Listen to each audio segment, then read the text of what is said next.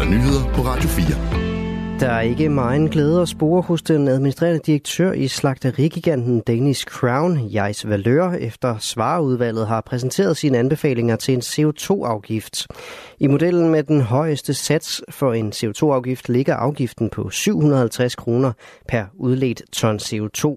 Og ifølge Jais Valør, så skal koncernen i værste fald fyre hver femte medarbejder og landmand. Kan jeg lide resultatet? Det kan jeg ikke nødvendigvis, men øh, det, jeg hæfter mig ved, det er jo en præcis analyse. Hvis man tager de her tre modeller, så vil produktionen af landbrugsvarer øh, i Danmark falde mellem 7 og 17 procent, og priserne, vi skal ud og hente i markedet, de vil gå op. Det er relativt dramatisk, hvis det er det spor, man går ned af. I juni måned skal landbruget, grønne organisationer og regeringen mødes i trepartsforhandlinger for at finde ud af, hvad der skal ske med de anbefalinger, der i dag blev præsenteret.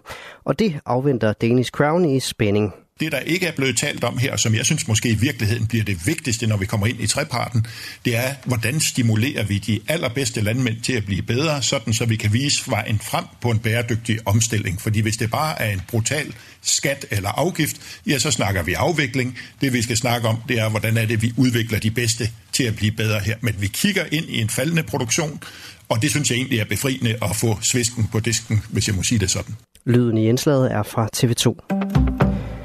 Og hvis den grønne omstilling skal ske billigst muligt for den gennemsnitlige dansker, så bør regeringen vælge den dyreste afgift på 750 kroner per ton drivhusgas fra landbruget. Sådan siger miljøøkonomisk vismand Lars Gården Hansen, der er professor på Københavns Universitet. Det udbreder afgiften fra industrien til landbruget og giver et ensartet incitament til at reducere CO2-udledningen i store dele af økonomien. Og det er den måde, man får de billigste reduktioner på, siger han. På den måde når vi 2030-målet billigst muligt for gennemsnitsdanskeren, siger han videre. Mens de to billigste modeller vil belaste landbruget mindst, så vil de give resten af samfundet en større regning.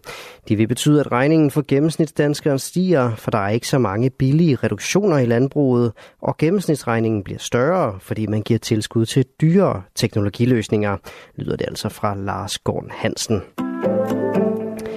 Den ukrainske landbrugssektor har tabt næsten 80 milliarder dollar siden Ruslands invasion for snart to år siden. Det svarer til 551 milliarder kroner. Det skriver nyhedsbyrået Reuters. Tallene stammer fra en analyse af Kiev School of Economics. Tabene er enten direkte eller indirekte forårsaget af invasionen, lyder det fra analytikerne bag analysen.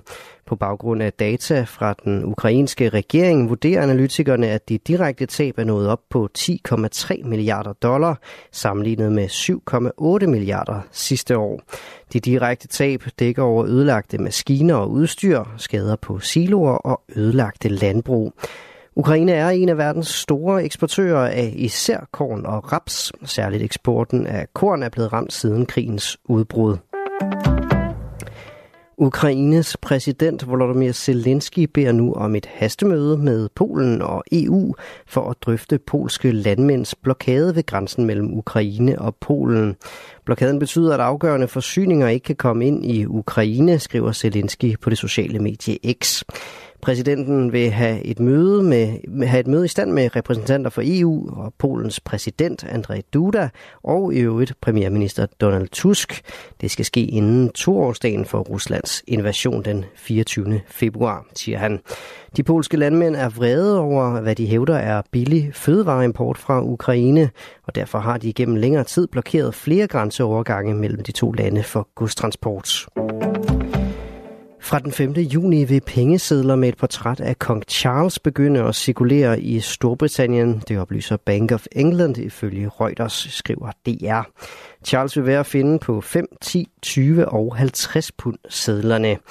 Udskiftningen af sedlerne med billeder af den tidligere dronning Elisabeth sker dog gradvist. De nye sedler bliver trygt for at erstatte slidte sedler og for at imødekomme den generelle efterspørgsel på sedler, lyder det fra banken.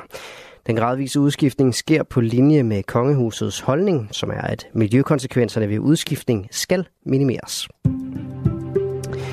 I aften og nat skyde og diset vejr, regn af og til, først i de vestlige egne. Temperaturen ned mellem 4 og 7 grader og let til frisk vind fra syd og sydvest. Det var nyhederne på Radio 4 med Asbjørn Møller.